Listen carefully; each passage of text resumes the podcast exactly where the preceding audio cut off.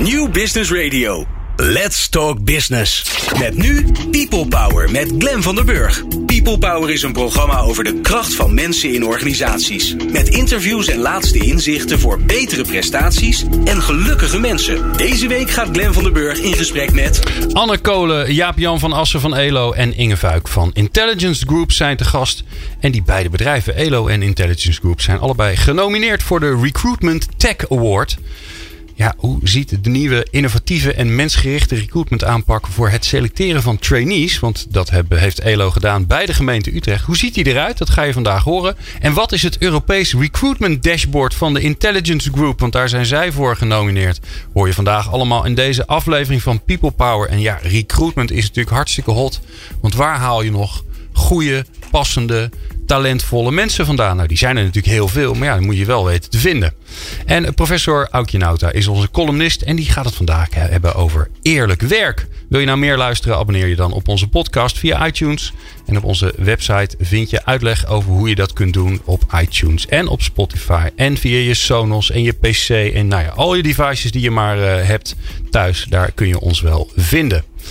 Ik vind het heel fijn dat je luistert naar deze aflevering van People Power. People Power met Glen van den Burg. Met in de studio uh, Anne Kolen, Jaap-Jan van Assen en Inge Vuik. Leuk dat jullie er zijn. Ja, yes, ja hè? God. Jaap-Jan, jij was er, je, je bent nog niet zo heel lang geleden geweest. Hè? Volgens mij een maandje geleden. Heel stiekem wil ik gewoon DJ worden. Vroeger als jongetje liep ik al op mijn zolderkamertje zelf radio te maken. Dus iedere gelegenheid dat ik kan. Ja, nee, ik ga wel naar Glen. Dat uh, ja, fijn nou om weer te zijn. Nou ja, misschien moet je een eigen recruitment programma beginnen, weet jij veel. Ja. Een spin-off noemen ze dat dan toch? Ja, precies. Uh, we gaan het vandaag hebben over, over recruitment. En vooral eigenlijk omdat jullie allebei genomineerd zijn voor de Recruitment Tech Award. Kan jij uh, in het kort vertellen, Jaap-Jan, wat is dat voor, voor award? Ja, het is natuurlijk een beetje een ons kent ons feestje van uh, recruitment en uh, technologie in Nederland. Maar ja, het is een platform dat gehost wordt waarbij eigenlijk alles samenkomt waar het gaat over recruitment en de technologie daaromheen. En die doet sinds een paar jaar het uitreiken van awards. En het leuke is dat je toch echt wel een mooi kijkje hebt van waar het nu waar het om gaat. En dat zijn wel, wel vernieuwende cases moet ik zeggen. Ja. Inge, jij bent, uh, jij, bent jij, ja. jij en jouw bedrijf zijn uh, ook genomineerd voor de award. Uh, waarom is dat leuk? Waarom is dat leuk? Ja, het is erkenning van hetgene wat je doet. Ja. Ik bedoel, we hebben hier met z'n allen, echt, echt met z'n allen uh, aan gewerkt. Ja, en nu zijn we genomineerd. Dus, ja. Ja, dus echt een stukje erkenning en, en herkenning dat het beter moet en anders moet in de recruitmentwereld. Oké. Okay. Ja. Nou, we gaan het er vandaag ja. over hebben wat het, hoe het dan anders moet en zo. En uh, we gaan Helemaal straks uh, in het tweede blokje praten over jullie case. Maar we beginnen met de, met de case van Elo. Uh, Anne. Ja. ja, is een mooie case. Ja, dat, toch? zeker. Ja, ik ben ik, er ook wel trots op. Het was een hele lange zin, maar de nieuwe innovatieve en mensgerichte recruitment aanpak voor het selecteren van trainees bij de gemeente Utrecht. Ja, boom. Hartstikke idee. Wat, wat was de vraag van de gemeente Utrecht? Wat wilden ze? Ja, uh, gemeente Utrecht wilde trainees, nieuwe trainees, 24 stuks. En um, ze waren daarbij op zoek naar een andere aanpak. Uh, ze wilden zichzelf ook presenteren als een eigen Thaise werkgever. En daar past dan ook een, ja, een vernieuwende aanpak uh, bij.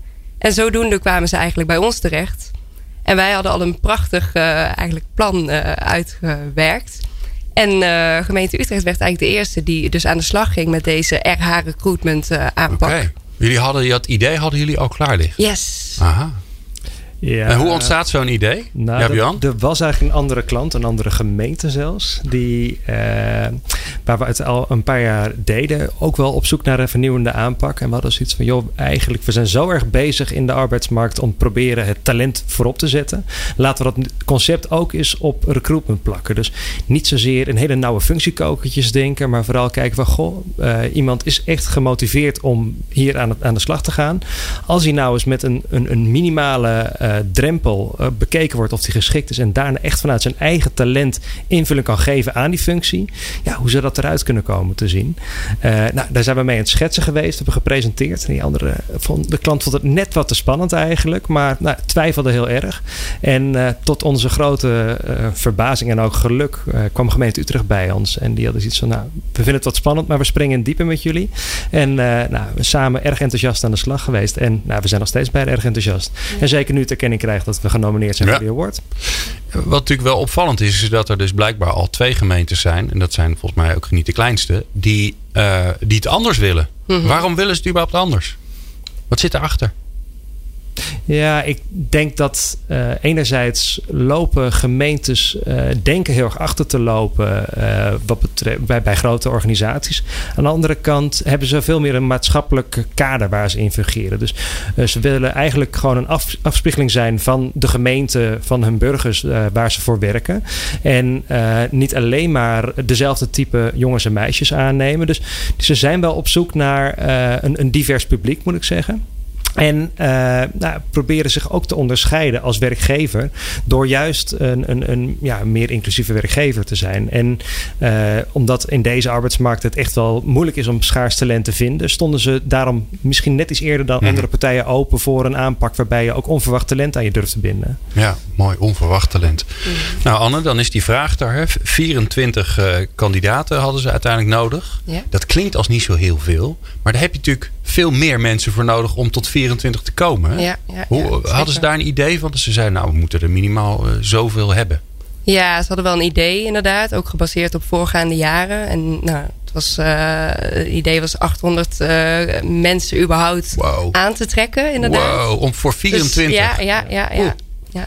Dus dat is echt wel, dat is, dan heb je het, hè, want bij 24 lijkt niet veel, maar als het 800, dan snap je dat je wel even je best moet doen. Ja, zeker weten. Ja. En dus ook dat je op een bepaalde manier toch onderscheid moet maken van hè, wie laat je wel door, wie laat je niet door.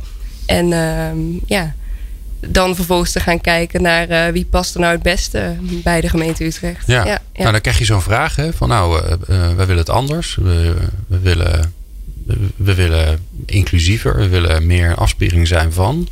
Nou, hartstikke mooi. En hoe ziet de oplossing dan uit? Wat hebben jullie gemaakt voor? We hebben een, eh, een eh, trainee selectieportal gemaakt. En die bestond eigenlijk uit twee eh, fases globaal. Eerste fase was echt, ging over jouw fit. Dus in hoeverre pas je binnen het, ja, binnen het plaatje wat de gemeente Utrecht voor ogen heeft. Dat was een hele brede fit. Dus eigenlijk niet de- wat, wat Jaap-Jan eigenlijk net al zei over van een of ander smal malletje en allemaal kopietjes van elkaar. Maar ook nog zodat er, het was een profiel waar nog ruimte was voor diversiteit eigenlijk. Want het bestond uit eh, nou ja, resultaat voor. eh, eh, of resultaat en effect. Dat was een van de eisen. Verbindend, dus hè, in staat zijn om te verbinden.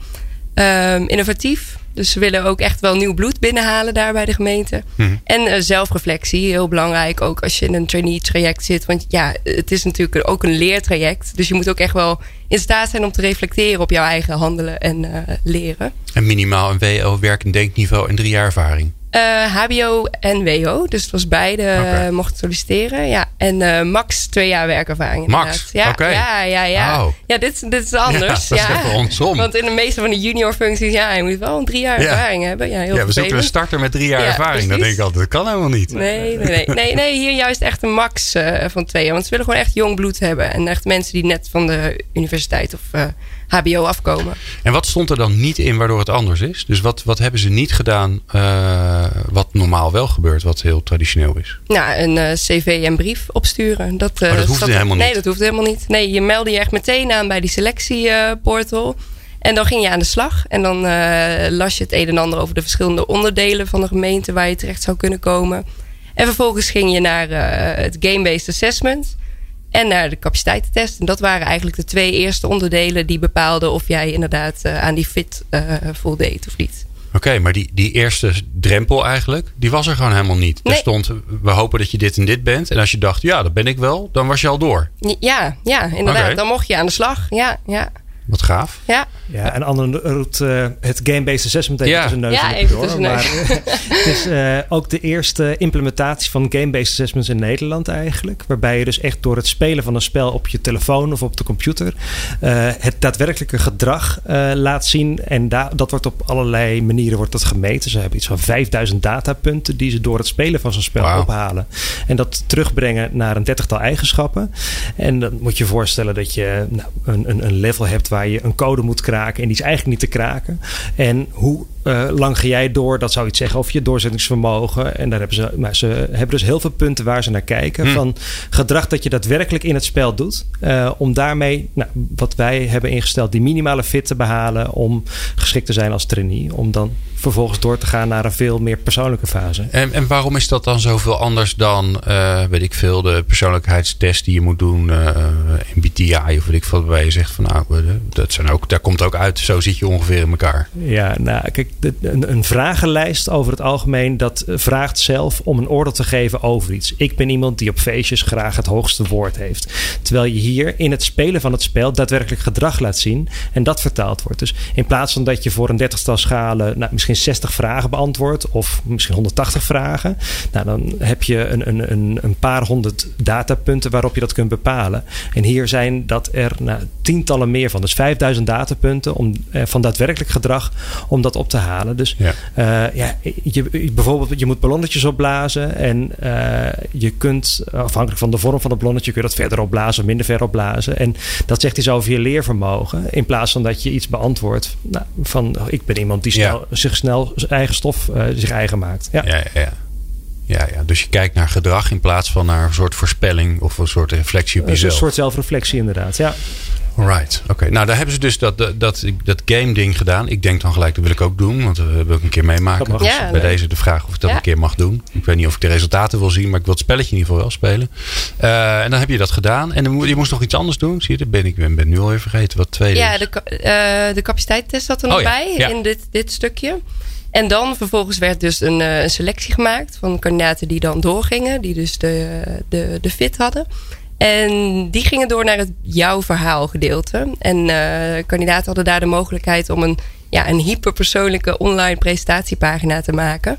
En eh, die bestond uit allerlei onderdelen die kandidaten gemaakt hadden. Dus bijvoorbeeld een eh fuck-up eh, opdracht. Dus dan mochten kandidaten hun grootste blunder of ja, iets Die wat dus ze ontzettend, die gingen ze Ja. inderdaad omschrijven.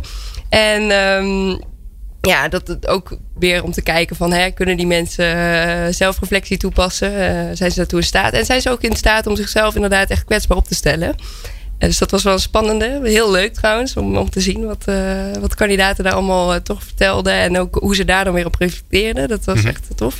En ehm, wat ze verder nog deden is een brief schrijven aan de burgemeester. Met het onderwerp hoe houden we de stad aantrekkelijk voor iedereen. Want ja, de stad groeit en allerlei soorten mensen die er wonen. Ja. En ehm, als laat, of eh, we hadden nog een videopitch. Ja, eh, dus eh, kandidaten die een videopitch opnamen. Nog een, een afbeelding om, om te laten zien hoe je motivatie voor de gemeente Utrecht eruit ziet. Hè? Waarom Utrecht? Waarom niet Amsterdam? Dus ja, ja zo. En dat resulteerde dus in die presentatiepagina. En dat werd gedeeld met de recruiter. En ehm, ja, het is gewoon hyperpersoonlijk ook. Ja, En die gaat dan muziek- al die pagina's door om te kijken van wie... eh, die maakt een soort selectie, een tweede selectie. Van Ja. nou, dit zijn Ja. de mensen. En die komen dan, Ja, die En dan? kwamen naar het stadskantoor. Ja. en die komen dan op gesprek. Ehm, eerst hadden ze nog een, eh, een dag, echt eh, een soort van in-house dag. Dus ehm, waar ze ook alvast mee konden proeven van eh, hoe is het nou om opgavegericht te werken. Want dat doet eh, de gemeente Utrecht ook. Mhm. En ehm, ook al, al te kunnen speeddaten met mensen die daar werken bij de gemeente Utrecht. En, ehm, ja, en, en vervolgens inderdaad kwamen de gesprekken. Ja. En ook de mensen die de gesprekken voerden, die deden dat weer aan de hand van die eh, sollicitatiepresentatie. Ja, ja, dan ligt in plaats van de, de, de standaard brief en het cv... heb je ineens een heel kleurrijk... Ja, een heel, heel palet eigenlijk Ja. aan, eh, aan wat, wie die kandidaat nou eigenlijk is. En dat kregen we ook terug. Dat, eh, dat, dat opdrachtgevers zeiden van... hey, ik had het idee dat ik iemand eigenlijk al veel beter kende, weet Ja. je wel. Dus het zegt veel meer, zo'n hele presentatie... in plaats van een brief of een cv. Ja, je Gaaf. kunt je ook Ja. voorstellen hoe het is om met die persoon te gaan samenwerken. In plaats van dat je gewoon een soort staat, je- het cv'tje hebt, een soort statisch overzicht. Ehm, er zat ook een vraag: wat moeten we in het werk aanpassen zodat jij nog beter tot je recht komt eigenlijk? Dus Hm. durf het werk ook aan te passen zodat eh, nou, het talent zo goed als mogelijk naar voren komt. En, en ja, ik vind dat toch wel recruitment van deze tijd. Dat je eh, veel meer naar de persoon kijkt en daar het werk omheen organiseert. In plaats van dat je het werk als heel vaststaand neerzet. Met een gevoel van, uh, ja, dat weten we heel precies. En dan gaan we met hele zware meetapparatuur, assessment tools onderzoeken of iemand wel geschikt is. Terwijl ja, een half jaar later ziet dat werken toch gewoon anders uit. En de gemeente Utrecht durft ook echt met deze kandidaat te zeggen van, nou, als wij het werk voor jou wat kunnen aanpassen, zodat jij beter tot je recht komt, ja, liever dat. Dus uh, ik vind dat wel een hele onderscheidende. Nou, mooi. Um, uh, totaal vooringenomen zeg ik terecht dat jullie genomineerd zijn voor de Recruitment Tech, Tech Award. ik hoop natuurlijk dat je hem gaan winnen. En nou, misschien tegen de tijd dat, jullie, dat, dat, dat je dit hoort, uh, ja, hebben ze al gewonnen. Dat zou best kunnen natuurlijk, want we zijn nu live. Maar straks zijn we helemaal niet meer live. hè? Straks zijn we gewoon een podcast. Mm. Een soort uh, rare schizofrene manier van dingen maken is dit. Uh, we gaan zo verder praten natuurlijk met, met Anne Konen en Jaap-Jan van Assen van ELO. Maar we gaan vooral verder praten met Inge Fuik van de Intelligence Group, Group. Want die zijn ook genomineerd voor hun Europese Recruitment Dashboard. Nou, en wat dat is, dat hoor je zo. People Power. Inspirerende gesprekken over de kracht van mensen in organisaties. Met Glen van der Burg. Uh, we hebben het met elkaar over recruitment. Uh, want uh, we hebben de twee, in ieder geval twee van de genomineerden. We hebben ze niet allemaal, want dan zou het wel heel druk worden in de studio. Van de Recruitment Tech Awards. Die hebben we in de studio. Hebben net met de uh, collega's van ELO gehad over hun nominatie. Het is tijd voor de volgende genomineerde. Want Inge Fuik uh, van Intelligence Group. Dat kan ik niet anders dan ook enigszins intelligent uitspreken. Tenminste, dat probeer ik dan. Ja, hè? uh, die is in de studio. Jullie zijn genomineerd voor, een, je, voor het Europees Recruitment Dashboard. Het European Recruitment Oh, ja, tuurlijk. Ja, dat zou raar zijn als we dat in het Nederlands hebben. European ja. Recruitment ja. Dashboard. wat is dat? Het is een online tool uh, online dashboard waarbij je in 28 landen inzicht krijgt in 500 doelgroepen op de arbeidsmarkt. Dus je zoekt een monteur in Hongarije. Maar wie is dat? Hoe ziet hij eruit? Hoe ziet die doelgroep eruit? Uh, Wow. Hoe ziet de leeftijdsverdeling eruit? Hoe actief zoeken ze naar een nieuwe baan? Wat vinden ze belangrijk in de keuze voor een nieuwe baan? Nou, dat zit allemaal in dat dashboard. En dat weten jullie allemaal? Dat weten wij allemaal. Hoe weten jullie dat? Dat hebben we onderzocht. we hebben uh, onderzoek gedaan in die 28 landen. We hebben respondenten ondervraagd met een enorm lange vragenlijst. Wie ben jij? Wat doe jij op de arbeidsmarkt? Um, zou je ook internationaal willen werken? Dat is ook heel belangrijk natuurlijk. Hm. Wat speelt daarin een belangrijke rol? Nou ja, hoe actief zoek je en waar zoek je? Um, wie zijn belangrijke concurrenten in dat land? Dus eigenlijk heel erg breed hebben wij die doelgroep ondervraagd. En wat hebben jullie klanten daaraan? Ja, wat onze klanten eraan hebben. Um, wij hebben ook een Nederlands dashboard. Is het doelgroepen dashboard. En dat geeft dus ook inzicht in al die doelgroepen op de Nederlandse arbeidsmarkt. Uh, eigenlijk hetzelfde, maar we merken ook steeds meer. We merkten ook steeds meer dat de vraag kwam naar uh, buitenlands talent. Um, toch de opmerking van nou, we, hebben, we zijn hard bezig met werven in Nederland, maar toch zoeken we ook mensen vanuit het buitenland. Maar we weten niet waar en we weten niet hoe. En eigenlijk met nou ja, die vragen die wij steeds meer kregen, dachten wij, hier moeten we iets mee gaan doen. Um, we okay. hebben al vaker onderzoek gedaan in het buitenland, maar nu was het tijd voor uh, ja, een vernieuwing. Maar het is dus, is dus uh, uh, want ik kan me voorstellen dat het handig is als je internationaal opereert, als je Europees opereert. Maar, dat het, maar het is dus ook handig als je denkt: ik heb inderdaad monteurs nodig, in Nederland zijn ze op. Ja, klopt. Ja, ja en juist omdat je toegang krijgt tot al die doelgroepen, uh, kun je ook zeggen van hé, hey, maar een, een, monteur, nou, die is dus ook in het buitenland heel moeilijk, maar je hebt ook aanverwante functies. Nou ja, die misschien wel een overstap kunnen maken en die minder schaars zijn. Nou, dan krijg je ook op die manier weer inzicht. Um, vooral op dit moment echt voor de grote corporates in Nederland echt noodzakelijk eigenlijk om hè, die inzichten te hebben. Maar we merken ook heel veel vraag vanuit België, omdat er in België ook gewoon geen nou ja, leverancier van deze data is. Dus we krijgen ook vragen uit Belgische, van Belgische organisaties van ja, we willen inzicht in de Belgische doelgroepen. Ja. Hebben jullie dat? Nou, dat kunnen we nu leveren. En, wat, voor, wat voor andere beslissingen nemen bedrijven daardoor, organisaties? Nou, wat wij veel zien is um, nog steeds helaas veel zien, is dat er gewoon de ouderwetse manier van vacatures online zetten. We doen het altijd op dezelfde manier. De tekst ligt ook klaar, die kunnen we nu ook weer gebruiken. We zoeken nog steeds het schaap met de vijf poten. En nu kunnen we laten zien, of kunnen de recruiters ook laten zien, van joh, je vraagt om een doelgroep die bijna niet te werven is. Um, en wil je hem toch, dan zullen we toch op een andere manier moeten gaan werven. Dus het wordt, ja, mensen gaan steeds meer nadenken: hoe moeten we nu een doelgroep gaan werven? Oké, okay. ah, dus je past eigenlijk je vraag dan ook aan, aan het, omdat je snapt wat het aanbod is, kun je je vraag aanpassen. Dan denk je, ja, ik het kan wel inderdaad die schaap met die vijf poten vragen, ja. maar als ik er met twee heb, moet ik eigenlijk al blij zijn. Ja, ja precies. Of heel veel de vragen naar junior tegenwoordig. We zoeken echt junioren, maar als je dan naar de doelgroep kijkt, dan zie je dat 60% meer dan 10 jaar werkervaring heeft. Ja, hoe graag wil je dan die junior hebben? Of gaat het er gewoon om dat die functie wordt opgevuld? Ja. Ja, en zulke soort gesprekken willen wij ook gewoon stimuleren. Dus niet meer het klakkeloos uh, de vacature online zetten en zoeken. Um, maar echt het gesprek aangaan. Waarom vragen we nu een bepaalde functie? En waarom stellen we bepaalde eisen? Heb je een voorbeeld van een klant waar je het over mag hebben?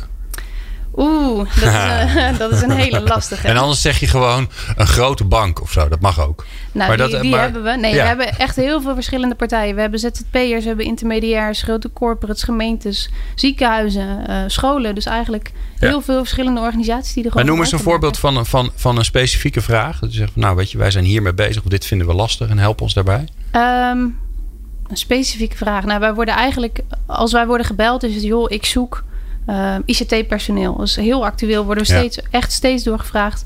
Ehm, ja, een bepaalde functie die we gewoon niet kunnen opvullen. Heel veel detachering ook wat er plaatsvindt.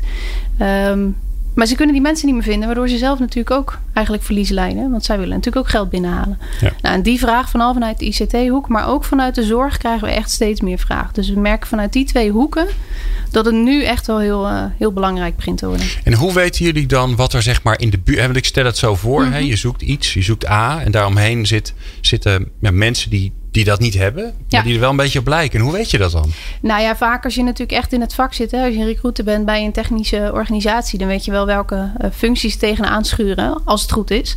Ehm, en ook, ja, anders is de informatie natuurlijk algemeen bekend. En dan komen we eigenlijk ook weer uit eh, op het, eh, het gesprek wat je net had met Elo. Mhm. Ehm, dat onverwachts talent ook gewoon heel belangrijk kan zijn. Dus hè, je moet ook wel uitgaan van de capaciteiten die mensen eventueel hebben en het omscholen wat er plaatsvindt. En ook binnen een organisatie kan er al een onverwacht talent rondlopen.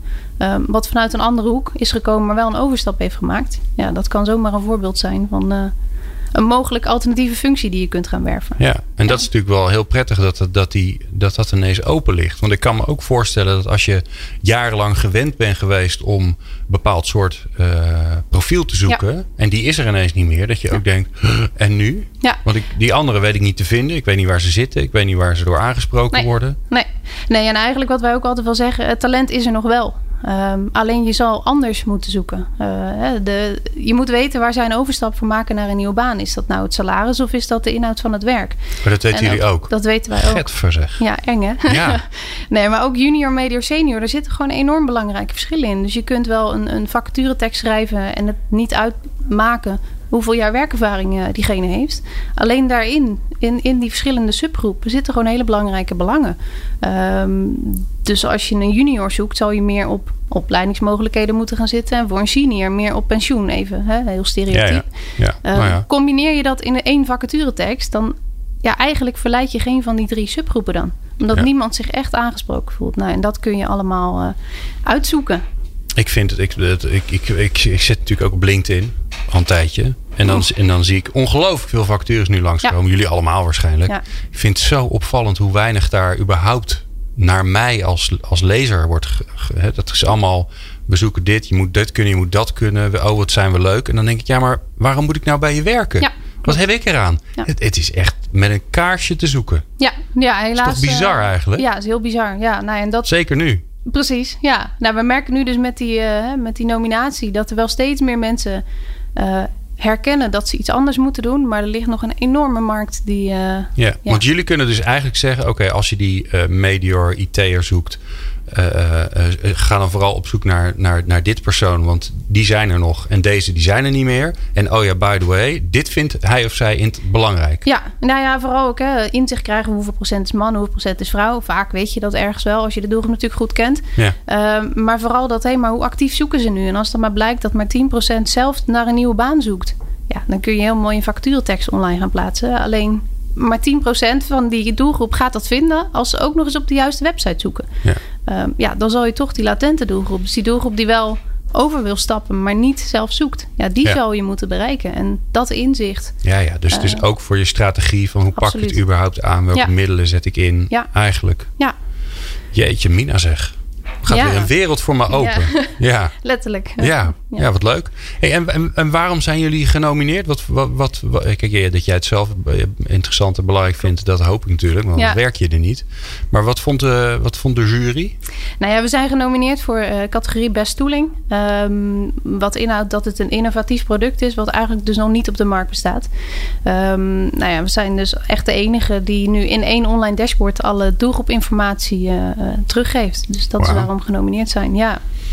Nou, Mooi. Ja, zeker. Ja, heel leuk. En uh, ik, uh, ik zie al dwarsverbandjes. Dus daar, daar gaan we het uh, wat mij betreft straks over hebben. We gaan zo eerst luisteren naar, naar onze maandelijkse, een van onze maandelijkse columnisten, Aukje Nauta. Die dat al, al ja, jaren doet denk ik. Ja, wel. Um, en daarna praten we verder met uh, Anne Kolen, Jaap-Jan van Assen en Inge Fuik over... stel je nou toch eens voor dat we wat ELO doet en Intelligence Group doet... als we dat een beetje gaan samenvoegen en we zitten doen dat in de mixer... wat voor moois gaat er dan ontstaan? En wat hebben we daar dan als mensheid aan? Dat hoor je zo. People Power met Glen van den Burg. Meer luisteren? people-power.nl Het is tijd voor de maandelijkse aanrader van Aukje Nauta... partner bij Factor 5 en bijzonder hoogleraar op de CEO's leerstoel en Hansi. En God, ik krijg het echt meer uit. En Hansi Individuals in a Dynamic Work Context. Die moet gewoon wat minder snel zijn. Aan de Universiteit in Leiden. Oudje, wat leuk dat je er bent. Dankjewel, vind ik ook. Ja, het, uh, het is weer tijd voor jou, het aanrader. En wij zijn natuurlijk ongelooflijk benieuwd wat die is. Ja, mijn aanrader die richt zich dit keer op werkgevers, namelijk geef eerlijk werk. Nou zou je zeggen een no-brainer. En dat zei hij eigenlijk ook al, Glenn. Hè? in, in onze uh, hele lange e-mail-uitwisseling die we hebben, appte jij al, of de app-uitwisseling appte jij, ben ik voor. Maar toch is het nog wel een dingetje. En de reden dat ik erop kom is omdat ik woensdag deze week voor het ministerie van SZW, vooral ook de inspectie. En weg is ze. Nou, dat heb je soms, hè? Dan houdt, ineens, uh, houdt het ineens op. ja, en toen was Aukje nou daar weer terug. Ja, soms laat de techniek je gewoon in de steek. Daar kan je niks aan doen. Aukje, uh, uh, ja, we pikken hem gewoon weer op. geef eerlijk werk. Je was laatst bij SZW. Ja, en nou, ik ga binnenkort langs bij SZW. Dan ga ik namelijk een, een, lezing houden over eerlijk, gezond en veilig werk. In het kader van een nieuw programma dat daarover start. En, um, en, nou, ik wil eigenlijk gewoon een soort tipje van de sluier geven van de lezing die ik dan geef. En dan vooral over eerlijk werk. Want dat is een beetje ongrijpbaarder dan, dan gezond en veilig werken. Hè? Dus bij gezond en veilig werken gaat het vaak om praktische zaken. Zorg dat mensen een helm dragen als ze op een stijger werken. Of, of een lasbril als ze gaan lassen.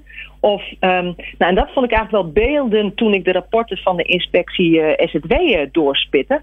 Zorg dat werknemers die zeecontainers moeten openen dat een beetje veilig kunnen doen. Want weet je wat vooral levensgevaarlijke vracht blijkt? Glenn, heb je enig idee? Uh, bommen. Bommen, ja. nou ja, uh, schoenen. Schoenen. Want bij uh, schoenen, als je dan zo'n container open, en ik zie het helemaal voor me, de lijnen die daarmee men daarmee gebruikt, ja, die kunnen zomaar, dan kan er zomaar van vluchtige stoffen allemaal vrijkomen. Nou goed, dat kun je natuurlijk gemakkelijk verhelpen met uh, ja, gasmaskers of wat dan ook. Dus nou, het is misschien niet altijd makkelijk, maar het is wel duidelijk wat je als werkgever moet doen, opdat je mensen gezond en veilig kunnen werken. Maar eerlijk werk is in bepaalde opzichten soms lastiger. Hè? Wanneer geef je mensen nou eerlijk werk en wanneer oneerlijk werk? Nou ja, oneerlijk is het in ieder geval, dat is nog wel vrij duidelijk, wanneer je mensen systematisch onderbetaalt. En het erge is dat dat dus steeds vaker voorkomt.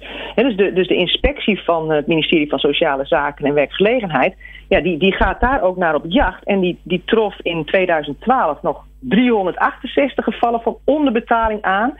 En in 2016 is het gestegen tot 1077. Er zijn 600.000 mensen die echt een risico lopen op onderbetaling van het minimumloon.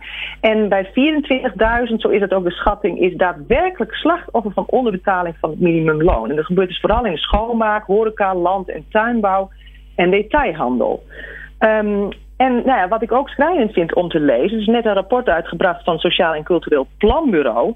Daaruit blijkt dat we in Nederland maar liefst 320.000 mensen hebben die wel werk hebben, maar toch niet genoeg geld verdienen. Dat zijn de zogenaamde werkende armen, dat is 4,6 procent.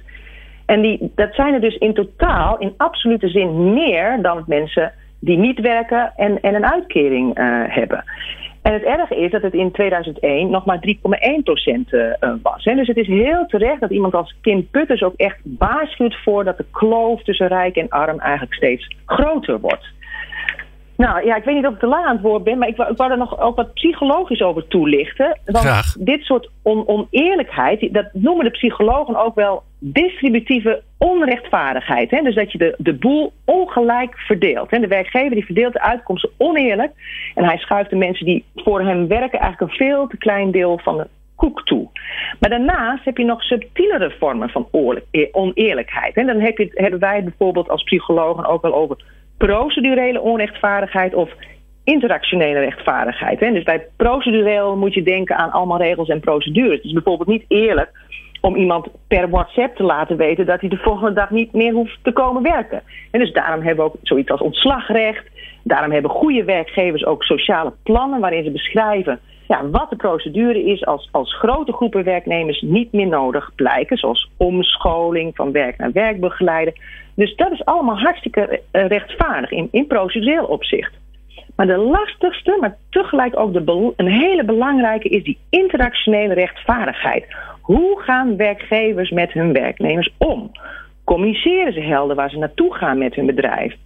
Is die communicatie ook een beetje tweezijdig? Ofwel hebben werknemers voldoende inspraak? En kunnen ze hun werk naar eigen inzicht indelen? Ofwel hebben ze voldoende autonomie? Nou, die autonomie daarvan kun je zeggen dat dat de laatste tijd een beetje achteruit hobbelt. Dus als je Nederland vergelijkt met de, met de EU-15, zeg maar de 15 Europese landen van het eerste uur, hè, zoals uh, Duitsland, Frankrijk, België en zo, dan is Nederland best wel topscorer als het gaat om autonomie in het werk. Maar toch, toch lijkt het alsof we een beetje afzakken naar het gemiddelde Europese niveau. Want als je kijkt naar uh, 20 jaar geleden, 1995, toen bleek uit enquêtes dat nog 61% van de werknemers veel autonomie uh, ervoer. Maar nu, in 2015 is het weer gemeten, is het nog maar 54%. En in de rest van Europa is het een beetje constant gebleven. Steeds op het niveau van nou, ongeveer 45%. Nou, die cijfers die heb ik gehaald uit, een, uh, uit van, TNO, een artikel van Irene Houtman en, en, en collega's. En zij speculeren ook over de verklaring. En dat zou wel eens de automatisering kunnen zijn. we worden eigenlijk steeds meer in de gaten gehouden. bijvoorbeeld mijn dochter ook, die werkt een tijdje bij uh, de Live En uh, ja, als ze een beetje langzaam fietst, fietste, dan, dan kreeg ze een appje zo van, kan je het vinden? Dus, dus de Deliveroo die kan precies in de gaten houden waar en hoe snel zijn riders, zoals ze noemen, fietsen. En als het niet goed gaat, dan word je geappt door een, uh, een algoritme. Dus nou ja, conclusie. Als we met z'n allen een beetje eerlijk willen blijven werken, en, en dat willen we, want oneerlijk werk voelt niet fijn en vergroot de kans dat mensen de boel gaan saboteren ook. Nou, dan moeten we dus echt continu goed blijven nadenken en doen wat betreft eerlijke beloning, eerlijke behandeling bij bijvoorbeeld reorganisatie en vooral ook over eerlijk werk zelf. Waaronder natuurlijk voldoende inspraak en autonomie. Wauw, mooi, dankjewel. Het grappige is, uh, Oudje, ik had juist het gevoel, maar dat komt waarschijnlijk doordat ik in die bubbel zit, dat die autonomie alleen maar meer aan het worden was door de zelfsturing en scrummen en weet ik veel wat we allemaal aan het doen zijn. Maar dat is dus helemaal niet zo. Dat is dus niet zo. Nee, dat is echt een hele rare ja, paradoxaal iets. Hè, dat ze aan de ene kant dus heel erg de nadruk leggen op Scrum en, en nou ja, precies wat jij zegt, agile, zelfsturende teams. Maar dat aan de andere kant er ja, grote groepen mensen zijn uh, ja, die, doordat het beschikbaar is, hè, al die digitalisering en algoritmes, eigenlijk steeds meer gecontroleerd worden. Mooi. Reden te meer om lekker door te gaan met wat we aan het doen zeiden op de barricade. Precies. Alright. Dankjewel, Aukje. Wij spreken hier volgende maand weer. Ja, graag gedaan. Dag. People Power. Inspirerende gesprekken over de kracht van mensen in organisaties. Met Glen van der Burg. Anne Kolen, Jaap-Jan van Assen van ELO en Inge Vuik van de Intelligence Group zijn te gast. We hebben het over recruitment. We hadden net de, de uh, in de stukjes uh, gedaan een column van uh, Aukje Nauta. Wel knap trouwens dat ze gelijk hup weer, weer doorgaat. Um, over eerlijk werk. Wat vinden jullie daarvan? Inge, zal ik bij jou even beginnen? Ja, absoluut waar. Um, belangrijk? Heel, ja, heel belangrijk. Waarom? Als je, nou, vooral tegenwoordig hè, in de schaarse markt. Maar je moet gewoon eerlijk zijn over wat iemand gaat doen in een functie. En, en welke beloning daar tegenover staat. Want een, een werkgever of een kandidaat, of een kandidaat heeft in deze markt gewoon voor het uitkiezen. Ja. Ehm, dus als dat niet klopt met wat jij in een vacaturetekst schrijft of uh, in een of andere campagne naar buiten brengt, ja, dan staat hij een week later met een negatieve ervaring staat hij buiten. Ja. ja, dan gaat je je eigen naam ook niet positief rond in de markt. Dus, uh... Anne, wat doet het met jou? Ja, heel belangrijk vind ik. Ja, zeker. Ja, ook. En het fijne is eigenlijk dat in deze krappenmarkt uh, werkgevers ook gedwongen worden om, om daar gehoor aan te geven en eerlijk te zijn over de verwachtingen. En uh, ja, dus ik vind dat heel positief. Ik vind het sowieso een belangrijke waarde. En nu uh, wordt er extra druk op gezet. Dus ja. dat is goed. Ja. Zullen we eens kijken hoe jullie daar een bijdrage aan kunnen leveren? Vind ik wel leuk. He, want jullie, jullie zitten allebei, jullie helpen eigenlijk organisaties onder meer om te zorgen dat de recruitment beter loopt. Het, het verwerven van leuke mensen. Dus hoe kunnen jullie er nou samen voor zorgen dat het anders en beter gaat? Heb je er een idee bij? Nou, het mooie vind ik dat Aukje had het over een negatief voorbeeld. Uh, een negatief voorbeeld waarbij AI, kunstmatige intelligentie, wordt ingezet om mensen te controleren, op te jagen, om op tijd te komen. Maar ik denk dat dit juist twee voorbeelden zijn waarbij de kunstmatige intelligentie, of slimme technologie in ieder geval, helpt om meer inzicht te geven. Enerzijds aan de voorkant door uh, het dashboard van de Intelligence Group. Waar kun je mensen vinden? Is dat schaaf met de vijf poten er? Of mm-hmm. dat zijn misschien aanpalende doelgroepen waar we wat mee kunnen? De technologie die wij inzetten, die helpt juist uh, op een hele innovatieve manier om mensen die misschien wat onverwachte zijn, toch met bewijs te voorzien van hey, zo zou ik invulling geven in die functie. En dat kan best succesvol zijn. Dus eigenlijk is het een hele positieve toepassing van diezelfde technologie die voorhanden is. Ja, en, en hoe kan, hoe kan uh, uh, zeg maar de, de oplossing, ja, dat klinkt weer zo plat, hè, de, de genomineerde fantastische aanpak van, van Intelligence Group en de aanpak van ELO, hoe kunnen die nou elkaar nou versterken? Wat voor, wat voor idee heb je daarbij, Inge? Nou, eigenlijk, wij, wij hebben van tevoren, van tevoren ook wel een beetje de brainstorm van... hey, het zijn twee heel verschillende cases. Wij hebben een case, wij hebben een tool. Uh, en wij zitten inderdaad gewoon meer op de voorkant. Um, en toen zaten we ook, hè, dat onverwachts talent. Heb je al een onverwachts talent in je uh, organisatie zitten? Nou, dan zou dat zomaar hè, een hele mooie zijstap kunnen zijn... die je bij ons in de tool kan invoeren. Um, maar ook bij ons in de tool komt ook naar voren van... hé, hey, maar wat verwacht nou een accountmanager uit, uh, uit Duitsland over het sollicitatieproces? En wat verwacht een accountmanager in Frankrijk van dat sollicitatieproces? En die culturele verschillen die zijn gewoon heel belangrijk om ook bij stil te staan. En dan kom je ja. ook weer bij dat eerlijke werk uit. Um, en die capaciteiten, ja, die kunnen, kunnen bij ELO ook gewoon goed worden ondervangen. Dus, ja. Uh, ja. ja. Heb Jan? Ja. Jij bent nogal van de business development volgens mij. Hè? En de, de, de, nieuwe dingen bedenken en in elkaar sleutelen. Dat vind ik het leukste. Inderdaad. Ja, toch? Ja, klopt, ja. klopt. Nee, maar het mooie is dat het echt transparantie geeft. En, en in plaats van dat je je kunt voordoen als een heel maatschappelijk betrokken bedrijf bijvoorbeeld. Maar ondertussen uh, valt het erg tegen. Helpt die technologie, uh, helpen die data heel erg van hoe is het nu echt bij dat bedrijf. En aan de andere kant, ja, dat schaap met de vijf poten is niet te vinden. Dat, dat, dat zien we naar voren komen. Onze technologie helpt vervolgens weer om mensen die nou, in eerste instantie niet in aanmerking zouden komen, want ze zitten niet in het juiste malletje, om die toch uh, naar voren te schuiven als geschikt. En, en daar bewijs voor te verzamelen. En ja. het mooiste is nog op het moment dat bij een organisatie ze denken van joh, weet je, het klikt op waarde. Laten we gewoon met elkaar in zee gaan en met elkaar kijken hmm. hoe we het gewoon kunnen laten werken.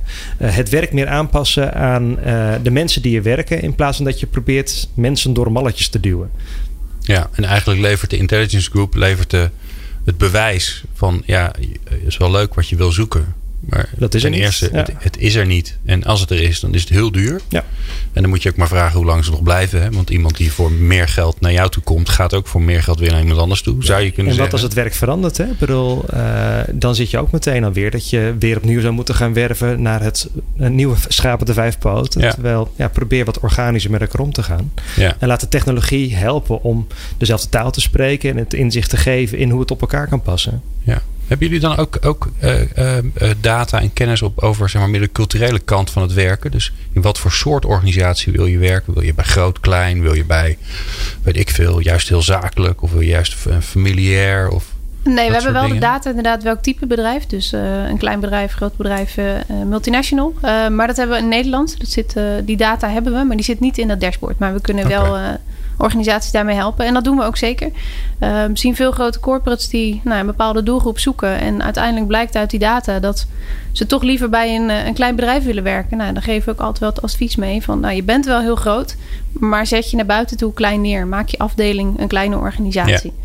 Ja. Uh, en daarmee als groter of een onderdeel van een grotere organisatie. Ja. En dat dan ook echt doen, hè? dat zou het mooiste zijn. Waar ja. je het over had van eerlijk werk. Wees niet alleen in je campagne daar eerlijk over, maar doorleef het ook. En, en mm. maak het dan bijna een, een, een familiair MKB-bedrijf. Ik zag laatst een, een grote zorgverzekeraar die op zoek was naar mensen voor zijn callcenter. Nou, niet het meest spannende werk. Die ging ook helemaal niet op de tour zitten van ja, het zijn allemaal leerervaringen die je doet en je kunt allemaal doorgroeien uh, binnen deze grote corporate. Maar nee, wij zijn met elkaar in Leeuwarden zijn wij een contactcenter en we hebben het goed met elkaar en we zorgen zelf dat we het rooster regelen. Als jij een keer wat eerder naar huis moet om je dochter op te halen van school, dan kunnen we dat organiseren. En zo zijn we een hele fijne werkgever en een fijne club mensen met elkaar. En kijk, op die manier gewoon eerlijk zijn over wie je bent. Ik vind dat bij eerlijk werk horen ook. Ja, mooi. Um, uh, laten we afsluiten met een uh, snel rondje uh, tips. Dus, dat hebben jullie niet voorbereid. Dus, dus dan beginnen we gewoon bij degene goed, die ja. altijd tips heeft. Hm. Hè? En, en, en heel erg geëmancipeerd. Dus ja, Jan, je, je, bent een, je bent een bedrijf en je zoekt mensen. En het lukt niet. Het is lastig en ingewikkeld. Natuurlijk moet je ELO bellen. Natuurlijk, natuurlijk moet je intelligence group bellen. Maar wat, wat, is, wat is in ieder geval iets wat je iets laagdrempeligs wat je kan doen? Ja, durf eens te gaan voor het onverwachte profiel. Uh, heel veel mensen die, die roepen het wel, maar vinden het toch eng om een, iemand die qua cv niet klopt toch aan te nemen. Ga er gewoon voor. Het gaat je gewoon opleveren. Alright, mooi. Anne? Uh, maak het persoonlijk. Dus uh, laat inderdaad ook meteen wat zien van je organisatie. Neem filmpjes op. Uh, ja, doe alles om, om te laten zien wie je bent als organisatie. Ja, en dan wie je echt bent. Ja, wie je dus echt niet, bent. niet hey, van die gelikte nee, dingen nee, dat je denkt, nou... Eerlijk werk hebben we het over. Ja, heel goed. Inge? Nou, daar sluit ik me sowieso bij aan. Uh, maar ga ook intern het gesprek aan. Waarom zoeken we dat schaap met, schaap met de vijf poten? Uh, of zoeken we misschien een schaap met drie poten en is mooi meegenomen als hij de vijf heeft? Ja. Um, dus die verwachtingen managen en, en echt het gesprek even goed aangaan. Mooi. Ik vond het fijn met jullie. Anne Kolen en Jaap-Jan van Assen van ELO en Inge Vuik van Intelligence Group. En ik hoop dat jullie winnen, natuurlijk. Yes, we Ja, daar gaan we voor. Ja, kan, kan bijna niet anders.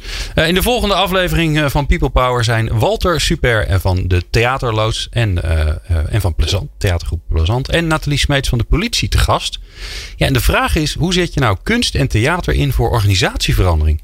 En dat hoor je in de volgende aflevering van People Power. wil je nou alles luisteren wat er te luisteren valt? Ga dan naar peoplepower.radio. Daar uh, vind je alle afleveringen. Maar je kunt ook naar Spotify. En natuurlijk kun je uh, op onze website zien wat al, al die andere mogelijkheden zijn. Om al die afleveringen gezellig in de auto of die nog in de trein te beluisteren. Ik vond het in ieder geval fijn dat je luisterde naar People Power. People Power met Glen van der Burg. Meer luisteren? people-power.nl